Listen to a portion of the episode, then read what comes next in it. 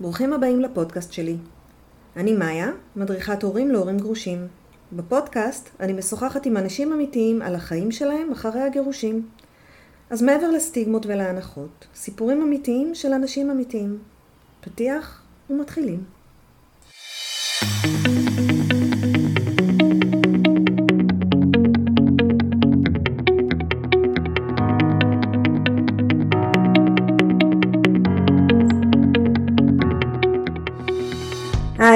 היום אנחנו עם אלין. אנחנו נדבר עם אלין על המסע שלה להתגרש ועל התובנות מהמסע הזה.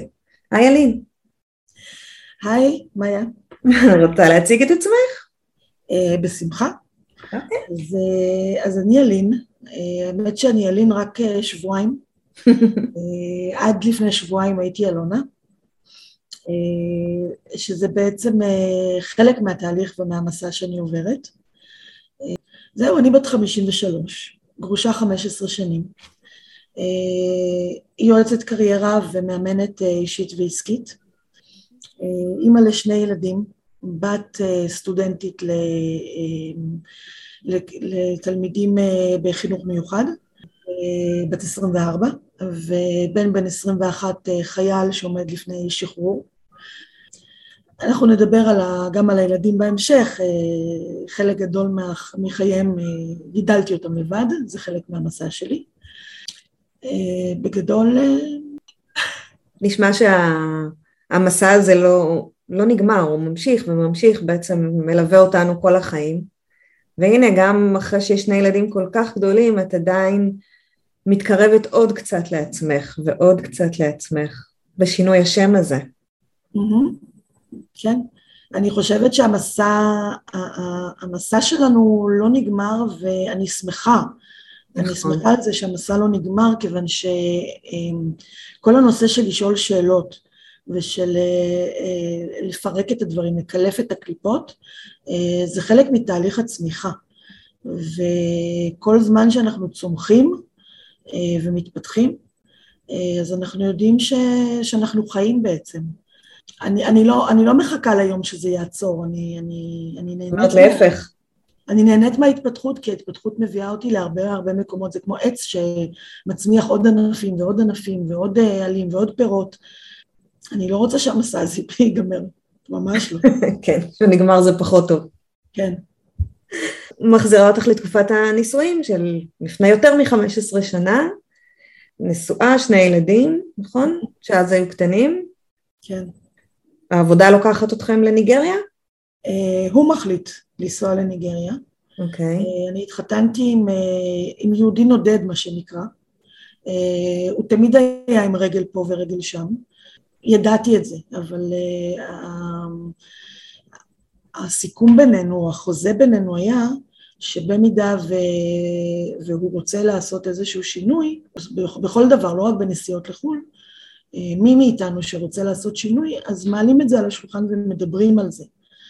אה, מה שקרה בחיים שלנו במהלך, ה, במהלך אה, הנישואין, שעם הילדים הגדולה ואחר כך הצעיר, ועם השגרה מה שנקרא, התקשורת בינינו פחות ופחות הייתה, הייתה בפרונט. החיים די ככה, די הזרימו אותנו. ואז יום אחד הוא פשוט, אה, אני הייתי בעבודה, עבדתי אז באלעל, ואני מקבלת טלפון ממנו, תודיעי להם שאת עוזבת, אנחנו נוסעים לניגריה. אני ככה הייתי די, אה, זה, זה, זה די טלטל אותי.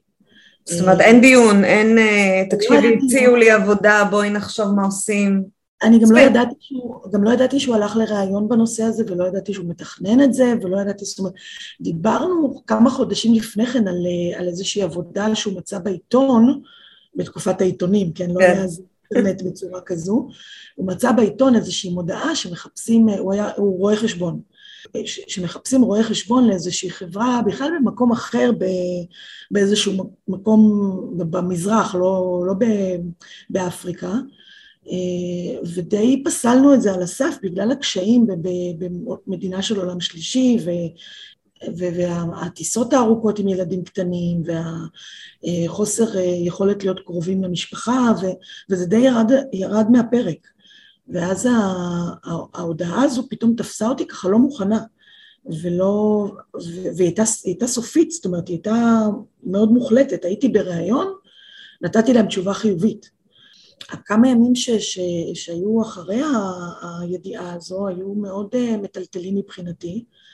אוקיי, okay. אבל אני חושבת שנייה, הוא מודיע לך בטלפון, אם לי מישהו היה מתקשר ואומר, תארזי, אנחנו הולכים, ולא דיברנו על זה מראש, אני מגיעה הביתה, אני יושבת, מכינה כוס קפה ואומרת, בוא נדבר על זה.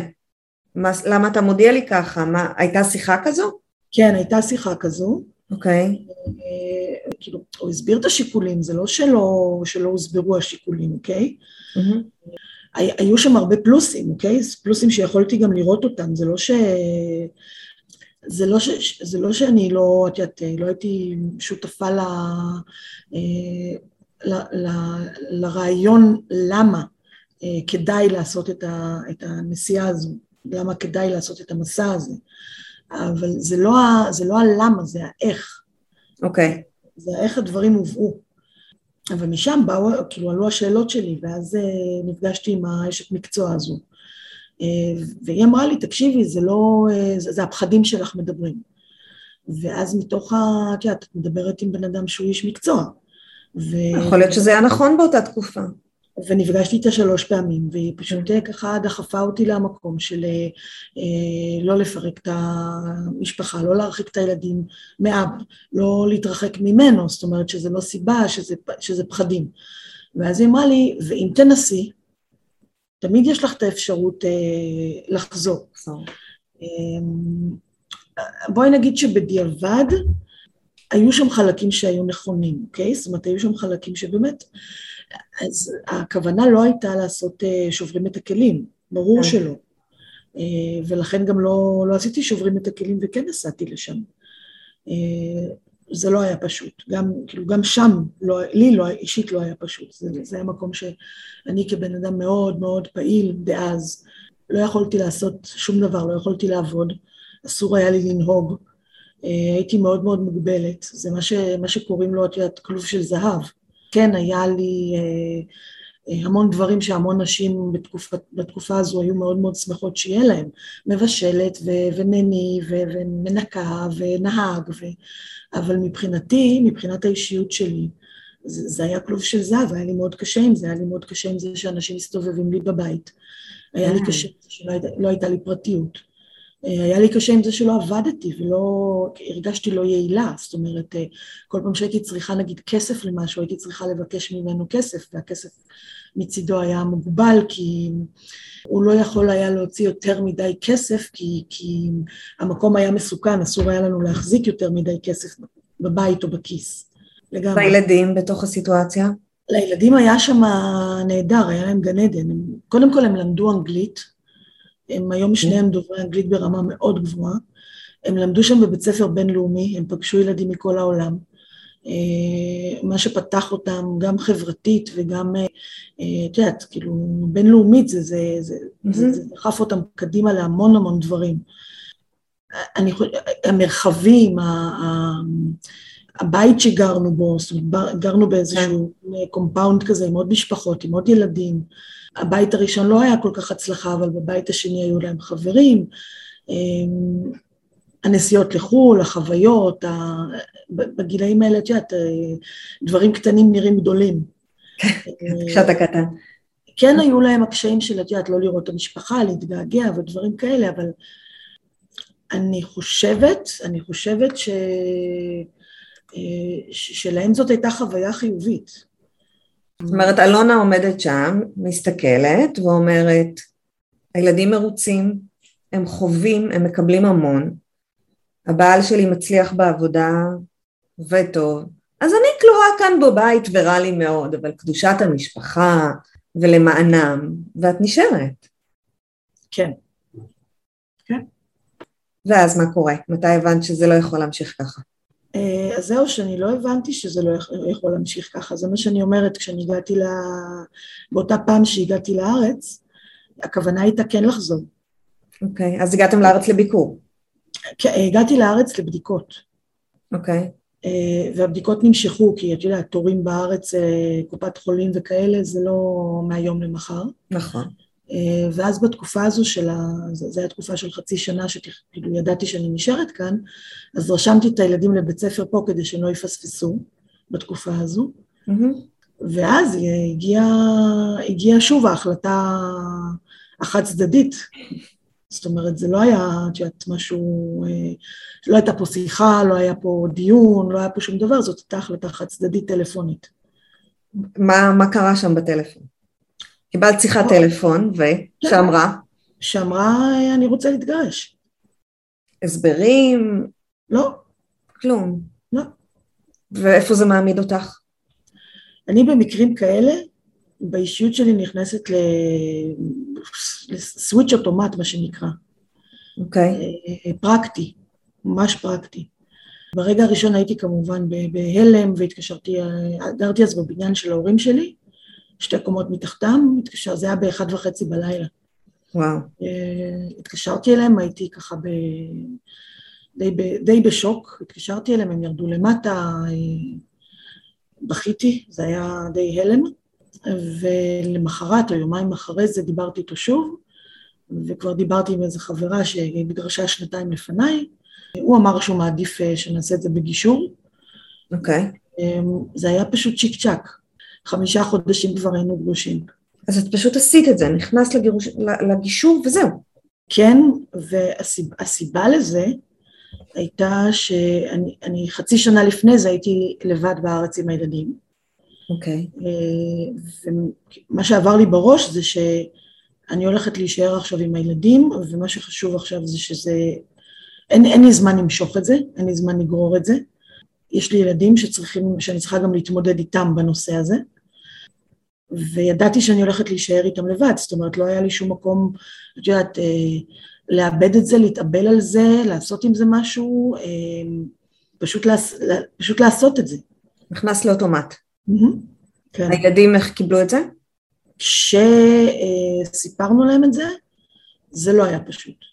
הוא היה כאן לספר את זה? כן, בוודאי, הוא הגיע לפה.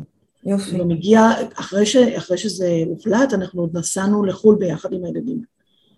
היה, תכנון, היה טיול מתוכנן, אה, נסעתי עם הילדים להיפגש איתו בסחיפול באמסטרדם, mm-hmm. והיה לנו טיול ביחד, אחרי שכבר החלטנו להתגרש. והילדים אז לא ידעו שום דבר. איך עושים את זה? זה כאב וזה היה קשה. כן, אין, אין ספק. ובעצם... דניאל, למה דניאל, סל, דניאל סולומון וד, ודנה עדיני עזרו לי מאוד בתקופה הזאת עם הדיסק שיצא בדיוק באותו זמן. שאפשר לבכות איתו, מלא.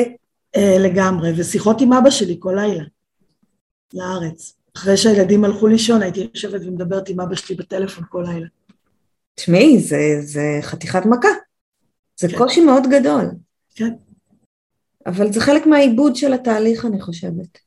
Uh, כן, בטיול הזה באמת היה חלק מהעיבוד. רגע, וטכנית, ישנים ביחד, באותו לא, חדר? לא, לא. והילדים לא הבינו שמשהו לא... אני מניחה שבאיזשהו מקום זה נכנס להם איפשהו לראש, אבל אני הייתי, בהתחלה הייתי אה, הולכת לישון בסלון, ובבוקר כאילו חוזרת ל... כאילו מחזירה את המצעים לחדר. כן. אני, אני, אני כבר לא זוכרת, אבל היו לדעתי כמה ימים שזה התפספס, ולדעתי אולי הם ראו, אני לא יודעת. אני באמת לא זוכרת את, ה, את הקטעים האלה. אני השתדלתי, את יודעת, לי, כן, זאת אומרת, לא רבנו בטיול ולא לא היו, אה, לא היו עניינים, את יודעת, מול הילדים בטיול. נהגתם יפה. תשמעי, זה היה, היה די קורקטי, אני לא, לא, לא היו ביטויי חיבה או כל מיני דברים שהיו קודם. אה, זה לא היה פשוט בכלל. לי זה לא היה פשוט. אני רוצה להעביר מסר, כי אני יודעת שיש הרבה נשים ש, שעברו ועוברות את, ה, את, ה, את המקום הזה של לגדל ילדים אה, בלי נוכחות אה, אבא בצורה סדירה ובלי בלי הסדרי ראייה. המקום הקשה הזה של אין את הזמן החופשי, של 24-7. כן. ואני רוצה להגיד שנכון, זה מקום מאוד מאוד קשה. יחד עם זאת, יש, אה, יש דרכים לעשות את זה, יש דרכים אה, לקום מהמקום הזה. בשנה הראשונה, בשנה וחצי הראשונה אחרי ש... שהתגרשתי, מצאתי את, ה, מצאתי את הזמן, את הדרך כשהילדים היו למשל בבית ספר, אה, לעשות דברים ש... או, או בצהרונים, לעשות דברים שהייתי כן צריכה לעשות בשביל עצמי, עם עצמי. אני יודעת שעשיתי המון המון טעויות למשל בקטע של דייטים ושל אה, להכניס אנשים הביתה. צריך להיות מאוד מאוד רגישים במקום הזה. כן. היום הייתי עושה דברים אחרת. זה נורא אנושי לטעות אבל. לגמרי. לגמרי, אבל אני, אני אומרת שיש את המקום הזה, אחרי שמתגרשים, את יודעת, להחזיר את הביטחון העצמי, כן. להחזיר את המקום הזה של אני רוצה נורא לראות שכן רוצים אותי, ולהחזיר את המקום הזה של כן, כן מסתכלים עליי ו- וכזה. ויש משהו שאנשים מאוד צריכים עבור עצמם. נכון. לשקם את האגו הזה, לראות נכון. שיש אנשים שרוצים אותם. אז את צריכה לעשות את זה, את צריכה לשקם את, ה, את הביטחון העצמי שלך. את צריכה למצוא מקום עבודה ולהתחיל קריירה מחדש כי עזבת את הקריירה בשביל לעבור לניגריה. נכון, נכון. אגב, על, על זה, על זה למשל, כן. יש לי עכשיו אה, סדנה שנקראת לשבור את תקרת הזכוכית, בדיוק לנשים שנמצאות במקום הזה. ש... סדנה שאת מעבירה? שאני מעבירה. אוקיי. Okay. לנשים אה, ש, שנמצאות בדיוק במקום הזה, או נשים חד-הוריות מבחירה, או נשים שנמצאות בצומת הזו של גירושין, שצריכות באמת להחליף את, ה, את אופי העבודה שלהן, שצריכות להחליף את, ה, את התפיסה בראש, להחליף את, ה, את, ה, את הדיסק. אה, בקטע של עכשיו אני מתמודדת לבד עם ילדים, ואני צריכה גם להיות, הזמן ילדים שלי הוא שונה מזמן הילדים שהיה לי קודם, כשהיה לי בן זוג שחלק איתי. אה, וגם הצרכים הכלכליים שלי. גם הצרכים הכלכליים משתנים כשאת עכשיו מפרנס אחד. ואני צריכה בעצם להתמודד עם, אה, עם, עם לו"ז אחר, עם יכולות אחרות, ואני צריכה למצוא עבודה שתאפשר לי בשעות שאני יכולה לתת, עם המשכורת שאני צריכה לקבל. זה קטע שהוא מאוד, אה, מאוד קשה, בעיקר לנשים שאנחנו קצת מפחדות אה, לדרוש שכר. שוב, התחלנו בזה שיש לנו דברים לשקם, אני צריכה עכשיו זמן לעצמי לשקם את האגו שלי ואת מי שאני. אני צריכה למצוא פרנסה לילדים שלי, ואני צריכה למצוא זמן ל- לילדים, לתמוך נכון. בהם, כי נכון. גם הם עוברים משבר מאוד מאוד גדול. אז דווקא לצד הכלכלי אני, אני מאוד אשמח שנדבר. איך בשמחה, עושים את זה? בשמחה רבה.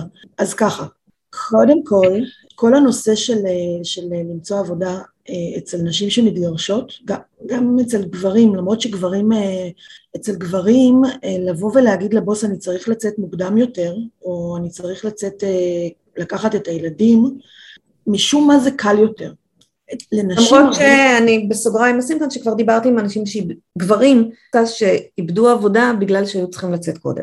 אבל okay. אוקיי. זה יותר נדיר, okay. זה פחות קורה. כן, יש, זה תלוי במקום העבודה.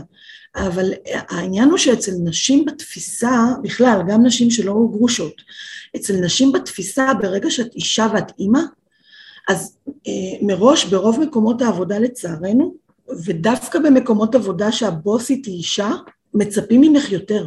מצפים ממך שתמצאי סידור, גם כשהילדים חולים וגם כש, אה, כשיש חופשות, ולכן הרבה מאוד נשים בתפקידים אה, של, אה, בתפקידי ביניים ותפקידי ניהול, לא כל כך מעזות לבקש את המקום הזה, לא כל כך מעזות לבקש את הכמה ימים בשבוע שהן צריכות לצאת מוקדם יותר, או מצד שני את המקום של לעבוד מהבית. מה שאני כן רואה, מה שאני כן מבחינה, וגם קראתי עכשיו במאמרים מקצועיים, שהקורונה מאוד עזרה למקום הזה להתרומם. הקורונה שהעבירה אותנו לעבוד הרבה מהבית, מאוד תרמה, גם, גם למשפחות של, של לא גרושים וגם למשפחות אה, של חד-הוריים, אה, מאוד תרמה לחיבור המשפחתי במקום הזה של עבודה. כיוון שאנשים שעברו לעבוד מהבית, יכולים בעצם באיזשהו מקום לנהל את העבודה שלהם, אלא אם כן הם אה, נותני שירות וצריכים להיות צמודים לטלפון בשעות מסוימות, אם הם, אה, אם הם יכולים לעבוד אה, בצורה שהזמן שלהם בעצם מנוהל על ידם, אז הם יכולים לנהל את הזמן שלהם בצורה כזו שכשהילדים מגיעים הביתה הם עם הילדים, וכשהילדים הולכים לישון או כשהילדים במסגרות הם יכולים לתת את העבודה. אבל שוב, זה דורש המון המון שעות. זאת אומרת, זה דורש המון שעות וזה דורש גם המון משמעת, אבל שוב, זה, זה גם דורש לשנות את, ה, את התפיסה, לשנות את, ה, את הראייה שלנו, את החיים. ו, ושוב, זה, זה גם לתקופות מאוד מאוד, יחסית, מאוד מאוד מוגבלות. כי כשהילדים גדלים, הם פחות זקוקים לנו בדברים היומיומיים. כן. זאת אומרת, הם, הם כן זקוקים לנו תמיד, אוקיי? גם בגילאים מבוגרים נכון. יותר. אבל הם לא זקוקים לנו בצורה צמודה, זאת אומרת, הם יוצאים לחברים, הם חוזרים מאוחר, הם, uh, הצורך שלהם משתנה עם השנים. כבר לא צריך להעסיק אותם. כבר לא צריך להעסיק אותם כל הזמן, כבר לא צריך לשמור עליהם כמו ששומרים עליהם כשהם בגילאי 4, 5, 7. נכון. Uh, לכן התקופות האלה שהם צריכים אותנו יותר צמוד הן מוגבלות. אז, אז כן לעשות את הבחירות קריירה ואת הבחירות של שעות העבודה בהתאם לגילאים של הילדים. עכשיו, יש אפשרות גם לבחור סוגי עבודה לפי תקופות, וגם במידת האפשר לנהל את הזמן שלנו לפי הזמנים של, שהילדים נמצאים. זאת אומרת, ללכת על עבודות שהן יותר גמישות בשעות העבודה? שהן גמישות בשעות העבודה, שהן עבודות במשמרות, שהן עבודות שמכניסות יותר כסף בפחות זמן, ושוב, זה עניין של התאמה, כל אחד ומה שמתאים לו. עבודות שהן מהבית, ואז את יכולה להיות יותר זמינה ויותר פנויה. אוקיי. יש, יש, יש, יש מגוון של פתרונות. ועל זה את מדברת בסדנה שלך. זה... גם בסדנה וגם בייעוצים הפרטניים. קודם כל זה נושא מאוד מאוד חשוב, במיוחד כשאת נשארת לבד בארץ עם שני ילדים, או יותר או פחות, אבל הכל משתנה. גם הזמן שיש לך לצאת עם חברים הוא אחר, כי אין לך הסדרי ראייה, אז כמה את כבר יכולה לשים על אבא ואימא, ואם את לא מרוויחה מספיק, את גם לא יכולה לקחת בייביסיטר. אה, זה גם נכון. צריך למצוא פתרונות יצירתיים. ומצאת? כן, מצאתי כמה. א', ההורים שלי גרו בבניין שלי, אוקיי? כן. אז בתקופה הראשונה אה, זה היה קצת בעייתי, כי אבא שלי חלה מיד אחרי, ש... אחרי שהתגרשתי, וזאת לא הייתה אופציה. כן. אחרי שהוא קצת אה, השתפר, ו... וכן הייתה אפשרות, אז הילדים ישנו הרבה אצל ההורים שלי, זאת אומרת כשהייתי צריכה. אופציה נוספת, בני משפחה אחרים, בני דודים בשבתות, את יודעת, כל, מה שיש. הילדים שלי מאוד אהבו ללכת למשל לישון אצל חברים.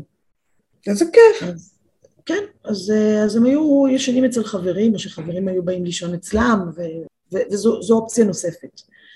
ובייביסיטר במידת האפשר, זאת אומרת, זה כן, זה נטל כלכלי, אבל, אבל זו אופציה. תשמעי, יש גם את השבתות עם הילדים, שאת יכולה להיפגש עם אנשים, עם הילדים. כן, הפיקניקים, וה, כן, הפיקניקים, הטיולים, הארוחות ערב, כן, בהחלט. אז יש גם מה לעשות עם זה, ואיך הגיבו, ב... יצאת לדייט, וככה ניסית להכיר מישהו ואמרת לו, כן, אני עם הילדים 24/7, לא, אין לי הסדרי ראייה. היו הרבה מאוד שפסלו, הרבה מאוד ש... שזה לא התאים להם. אפשר להבין את זה.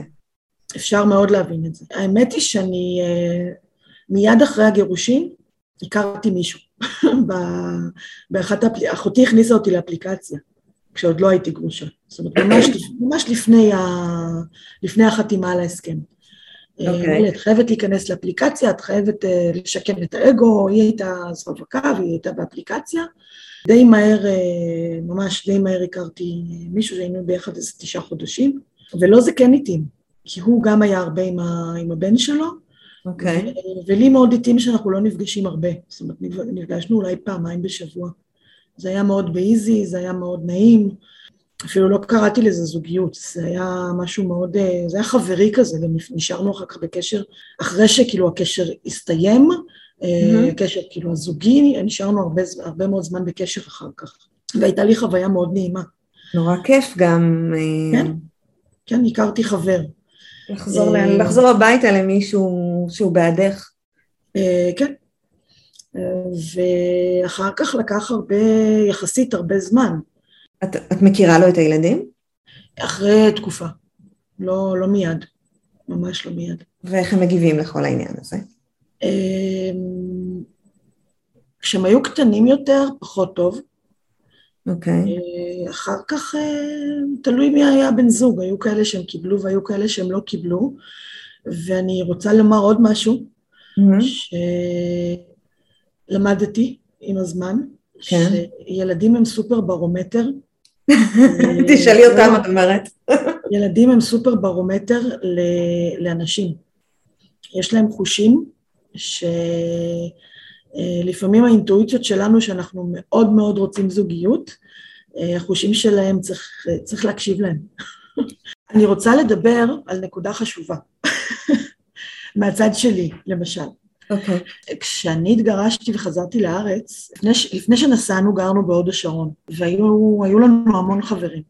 המון המון חברים מה, מהגן של הילדים, חברים מה, מהסביבה, החבר'ה שלי ש, שהגיעו אחרינו להוד השרון, כשעברנו להוד השרון. כשחזרתי, חזרתי מניגריה, חזרתי להרצליה. בזמן שהיינו שם שכרנו דירה, כמו שאמרתי, בבניין של ההורים שלי, כדי שכשנחזור כן. לחופשות, אז נוכל אה, להתארח שם, ולא, את יודעת, א', לא ניפול על ההורים שלי, ב', נהיה קרובים ככה למשפחה. וכשחזרתי לארץ בחצי שנה הזו של, שאחריה התגרשתי, אחרי שהתגרשתי קרתה תופעה אה, שאני שמעתי שקורית להרבה אנשים. כן. אה, כל החברים הנשואים אה, התפיידו. כן, זה קורה מלא. התאיידו. פתאום את אה, מוצאת את עצמך בשבתות עם הילדים לבד. יום שישי אחר הצהריים שהיית נוהגת להגיע לפארק ולהיפגש עם החברים, או אין לך את זה. שבתות בבוקר שהיינו נוהגים להיפגש בבריכה או בכל מיני, אין לך את זה. אה, אנשים פחות ככה מתקשרים ודורשים בשלומך. מי שכן הקיפו אותי היו שתי חברות שגם התגרשו לפניי, ויצרנו לנו מין קבוצת תמיכה קטנה. עם אחת מהן, אחרי שנה וחצי שהייתי גרושה, עשינו סדנה, היא מטפלת, ו... ואני ככה מה... מהניסיון שלי לאורך השנים הקמנו סדנה לגברים גרושים דווקא. אוקיי. Okay. הכרנו כל מיני ככה בקבוצות, ו... והקמנו קבוצה לגברים גרושים במתנ"ס בהרצליה. הייתי אז חברה בתפוז גרושים גרושות. כן. ומתוך ה... הפוסטים שהועלו שם הבנו שלגברים גרושים יש בעיה אה, לחלק מהם, מה לעשות עם הילדים כשהילדים מגיעים אליהם. הם לא ידעו לבשל, הם לא ידעו מה לעשות עם הילדים, איך להעסיק אותם, כל מיני כאלה. והקמנו סדנה פרקטית. באמת? כן. מה, איך לבשל אה, שניצל וצ'יפס כזה? הנושאים בסדנה היו, בין היתר, איזה אוכל ילדים אוהבים, איזה ארוחה לעשות לדייט כשהיא באה בפעם הראשונה אליך הביתה, איך לעצב את הבית, כל מיני דברים שהיו פרקטיים. ממש יפה. לא דיברנו איתם בכלל על הקטע של רגשי. איך להתנהל בגירושין, או... אה, אבל אז התחילו לעלות בסדנה כל מיני שאלות ש... שהיה לנו קשה להתמודד איתן מבחינת, אה, אני חוזר הביתה לבית ריק ואף אחד לא מחכה לי. נכון. אה, ומה אני עושה עם זה. או אני בשבת בלי הילדים, אני, אני מתגעגע אליהם ואני רוצה לראות אותם, איך אני אה, התקשרתי לגרושה והיא לא מסכימה שאני אבוא לראות כי זה הזמן שלה, כל מיני שאלות כאלה שלא ידענו להתמודד איתם. וכשסיימנו את הסדנה ניסינו למצוא איזשהו איש מקצוע שהצטרף אלינו לסדנה ולא מצאנו. באיזשהו שלב הסדנה התמוססה גם ודברים קרו גם אצלה בחיים, ואז אז, אז זה, זה קצת כאילו, זה קצת התמוסס. אה, חשבתי פעם להקים, להרים את הסדנה הזו מחדש, אבל, אבל ירדתי מהנושא. כי היום אה, עם האינטרנט וכל זה, אנשים אה, מוצאים מתכונים ורעיונות ו, ויוטיוב, והם כבר לא צריכים את הסדנאות האלה. תחשבי על זה, אתה פתאום מוצא את עצמך בלי הכלים הדרושים, לעשות את הדברים שמישהו אחר עשה בשבילך עד היום. נכון, אפילו הקניות באיקאה לעיצוב הבית. כביסה כל הדברים שהם מסורתית נמצאים בצד השני, לא כולם, חלק יודעים, חלק עושים, כן. באמת הרוב לא, זה רעיון ממש יפה לעשות את זה. שוב, אני חושבת שזה הכוח של הקבוצות. אני חושבת שדווקא הקבוצות הן דבר, אה, דבר מאוד חיובי. לא רק הקבוצות היהודיות לגרושים גרושות, גם הקבוצות עניין. אני למשל מנהלת קבוצת עניין, לא קבוצה של גרושים גרושות. קבוצה שנקראת כיסאות מוזיקליים, זו קבוצה שמתעסקת במוזיקה. אני חושבת שקבוצות, כל קבוצה שמפגישה בני אדם, מכל הסוגים, קבוצה שיכולה ליצור קשרים, יכולה ליצור חיבורים. אם החיבורים האלה הם חיבורים בין אישיים אה, זוגיים, או אם החיבורים האלה הם חיבורים של נטוורקינג, או אם החיבורים האלה הם חיבורים של, אה, של קבוצות עניין, כמו קבוצות של מועדוני קריאה, או קבוצות של מוזיקה, או קבוצות של אה, טיולים. היום אין לנו כל כך איפה להכיר אנשים, זאת אומרת, אנחנו... אה, אחרי שמתגרשים זה כבר, כבר גיל כזה שזה נדיר שאנשים נפגשים בתור בסופר או ב, במקומות כאלה והפיקאפ ברים זה כבר לא, אה, זה כבר לא מקומות שנפגשים בהם, ולהכיר במסיבה זה גם, אנשים פוחדים אה, אה, לגשת אה, כי, כי הם פוחדים שידחו אותם, ונשים חושדות קצת, זאת אומרת זה האבסורד הוא, כן, את לא פוחדת לפגוש מישהו מהאפליקציה, אבל את פוחדת לדבר עם מישהו במועדון. כן. שזה אבסורד, כי פעם כאילו לא היה לך את האפליקציות, אבל, אבל כן היית פוגשת מישהו במועדון, וזה היה בסדר. ולאפליקציות יש אה, היום, יש שם רע. יש שם רע, תראי את הנוכל מהטינדר, כן? יש לך הרבה. כאלה. אז זה גם מקום שקשה להיפגש בו, ולכן באמת ללכת על קבוצה שהיא בתחביב שלך, ומשהו שאתה אוהב לעשות, למצוא מישהו עם אותם התחביבים, עם אותם תחומי עניין. כן, אבל ההתמכרות הזאת של לפתוח את הכרטיס ולקרוא, גם אם אתה לא בטוח שזה נכון, אה, כן. כשאתה פוגש, כשאתה פוגש מישהו במועדון או בבר, אין לך לידו את הכרטיס שלו כדי לקרוא, את יודעת, את הגובה, אה, כתובת, אה, עיסוקים, או את יודעת, כל הדברים האלה. אבל אתה רואה את הגובה. כן, אבל אנשים שכחו לדבר, אנשים שכחו לתקשר. אתה, אתה, היום אתה כל כך רגיל לד, לדבר במרכאות בוואטסאפ, ש, שאם מישהו מתקשר אליך, אז אתה המום לרגע מה, מהצליל של הצלצול שמתקשרים. אתה שואל בוואטסאפ, אני יכול להתקשר? או אתה פנוי לדבר? זאת אומרת, התרבות הזו שפתאום הפכה להיות קטע ש, שהטלפון, שזה בעצם כלי תקשורת שהיה מאוד מאוד מקובל לפני עשרים שנה, אה, הוא הפך להיות היום איזה מין אה, כלי מוגבל. אז uh, אני חושבת ש, שאם אפשר היה, את יודעת, להחזיר קצת את הגלגל אחורה בקטע הזה של תקשורת, א', אני חושבת שזה היה uh, מפחית את מספר הגירושים. בואי נתחיל מה, מהכותרת העליונה. כן. Uh, את חלקם, אני, אני ככה נזהרת ואומרת את חלקם הגדול, אוקיי. Okay. כי הקלות הבלתי נסבלת של החתימה על מסמכי הגירושים היא בלתי נסבלת. את באמת חושבת שזה קל?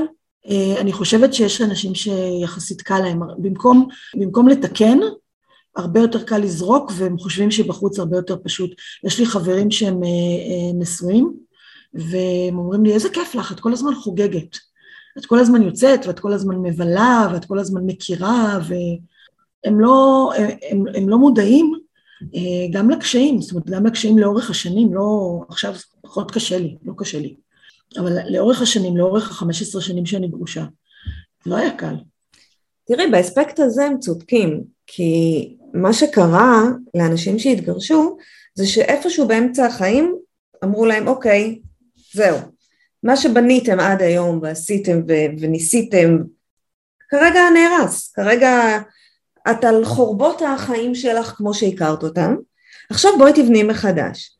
והצרכים שלכם, את צריכה לבנות את המערך החברתי שלך מחדש, כי החברים נעלמים.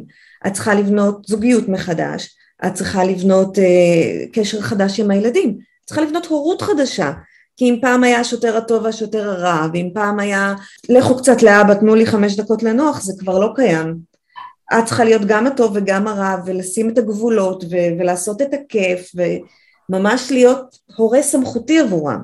אז כל הגזרות שלך בעצם אה, מתרסקות ואת יכולה לבנות מה שאת רוצה. ויש לך הזדמנות ואת לא יודעת איך לעשות את זה אז את מתחילה לחפש. ופתאום יש קבוצה שעושה ככה ופתאום את מכירה פה חברים. זה איזושהי דחייה מחדש שמלווה בהמון קשיים, בשברון לב, במאמצים, ביציאה נכון. מאזור נוחות. זה לא קל אבל באמת במובן הזה של את חוגגת כל היום זה כי את הגדרת לעצמך את החיים שלך מחדש. כן, זה נכון. התאמת אותם יכולים... לעצמך. אבל הם יכולים לעשות את אותו דבר, בדיוק, בדיוק אותו דבר, במסגרת שהם נמצאים, וכשהם יבינו את זה, לא יהיו גירושים יותר. כי כש, כשבן אדם יבין שהוא יכול להיות, שהוא יכול להיות בדיוק באותו חופש, כי חופש זו בחירה, כן. בתוך, ה, בתוך המסגרת שהוא נמצא, הוא לא ירגיש כל כך אה, כלוא וכל כך מוגבל, והוא לא יחפש את החופש הזה בחוץ. הוא לא, אה, הוא לא יצא מתוך תפיסה שאת המקום החופשי הזה, את הבחירה הזאת, הוא יכול לעשות רק כשהוא מחוץ למסגרת. אבל עדיין, כשאת במסגרת את צריכה להתחשב בשתי דעות. זאת אומרת, יש שניים במשחק הזה וצריך להתחשב ולהגיע לאיזושהי... אבל גם כשאתה גרוש, גם כשאתה גרוש אתה לא יכול לעשות דברים על דעת עצמך בלבד, יש לך ילדים ויש לך אה, נכון. גרוש לצורך העניין, שגם מהדעה שלו אתה לא יכול להתעלם, אתה לא יכול לעשות מה שאתה רוצה. אני גם כשהילדים היו קטנים, ורציתי uh, לנסוע לחודש לניו יורק למשל, אז לא יכולתי פשוט לקום ולנסוע. מישהו צריך היה להישאר עם הילדים. נכון, את צודקת במובן הזה, את לגמרי צודקת. אז, אז את לא יכולה, זה לא שונה. את נמצאת עדיין, ב, ב, את עדיין נמצאת באותה מסגרת. נכון, את לא ביחד עם הבן אדם באותו בית ובאותו, אבל עדיין את נמצאת באותה מסגרת כשיש ילדים. את צודקת, אני לא יכולה להתווכח על זה, זה נכון. אני חושבת פשוט שרוב האנשים לא זזים מאזור הנוחות שלהם אם הם לא חייבים. הם מעדיפים uh, להתמודד עם רע מוכר מאשר. לראות מה יקרה אחרת. איפה את היום? איפה אני היום? היום אני במקום נהדר. התחלתי, חזרתי לנגן, אני ניגנתי הרבה מאוד שנים על פסנתר, אז אה, חזרתי לנגן. ניסיתי גם גיטרה, אבל זה פחות הולך לי כי אני פחות מוכנה לוותר על הציפורניים, אז זה קצת אה, קשה. כן. חזרתי לשיר, התחלתי אה, לקחת שיעורי פיתוח קול. איזה כיף. מורה, מורה מקסימה, שלימדה אותי שפיתוח קול זה לא רק לפתח את הקול כדי לשיר, אלא זה אה, המון אה, קשר שלנו עם אה, נושא של נשימה, של התמקמות. זה, זה הרבה, הרבה מדיטציה, זה הרבה דברים אחרים חוץ מרק, חוץ מרק לשיר. אני כותבת. ביי. אני משתתפת במפגשי ג'ם עם חבר'ה מקסימים שהכרתי. זהו, זה המקום שאני נמצאת בו היום. עוד צעד להתקרבות שלך אל עצמך. לגמרי, של ההתקלפות. כן, איזה יופי. כן. אלין, תודה רבה. תודה לך, מאיה, היה כיף. איזה כיף לשמוע. כן. אז ביי בינתיים. ביי ביי. עד כאן הפרק להיום. תודה שהאזנתם. אם יש לכם סיפור לספר, או שתרצו להעיר על משהו ששמעתם בפרק, אתם מוזמנים לדף הפייסבוק שלנו, החיים הסודיים של הגרושים. אם אתם מרגישים שאתם צריכים עזרה בהורות החדשה שלכם, בביסוס הסמכות ההורית, ביצירת קשר עם הגרוש או הגרושה, גבולות, הקשר החדש עם הילדים, או כל נושא אחר הקשור להורות של גרושים, אני מזמינה אתכם ליצור איתי קשר דרך האתר שלי www.maya.com באתר תמצאו מידע נוסף על הנושא וכן דף הסכמות שיעזרו לכם לבסס את הקשר בין ההורים הגרושים. תודה ולהתראות.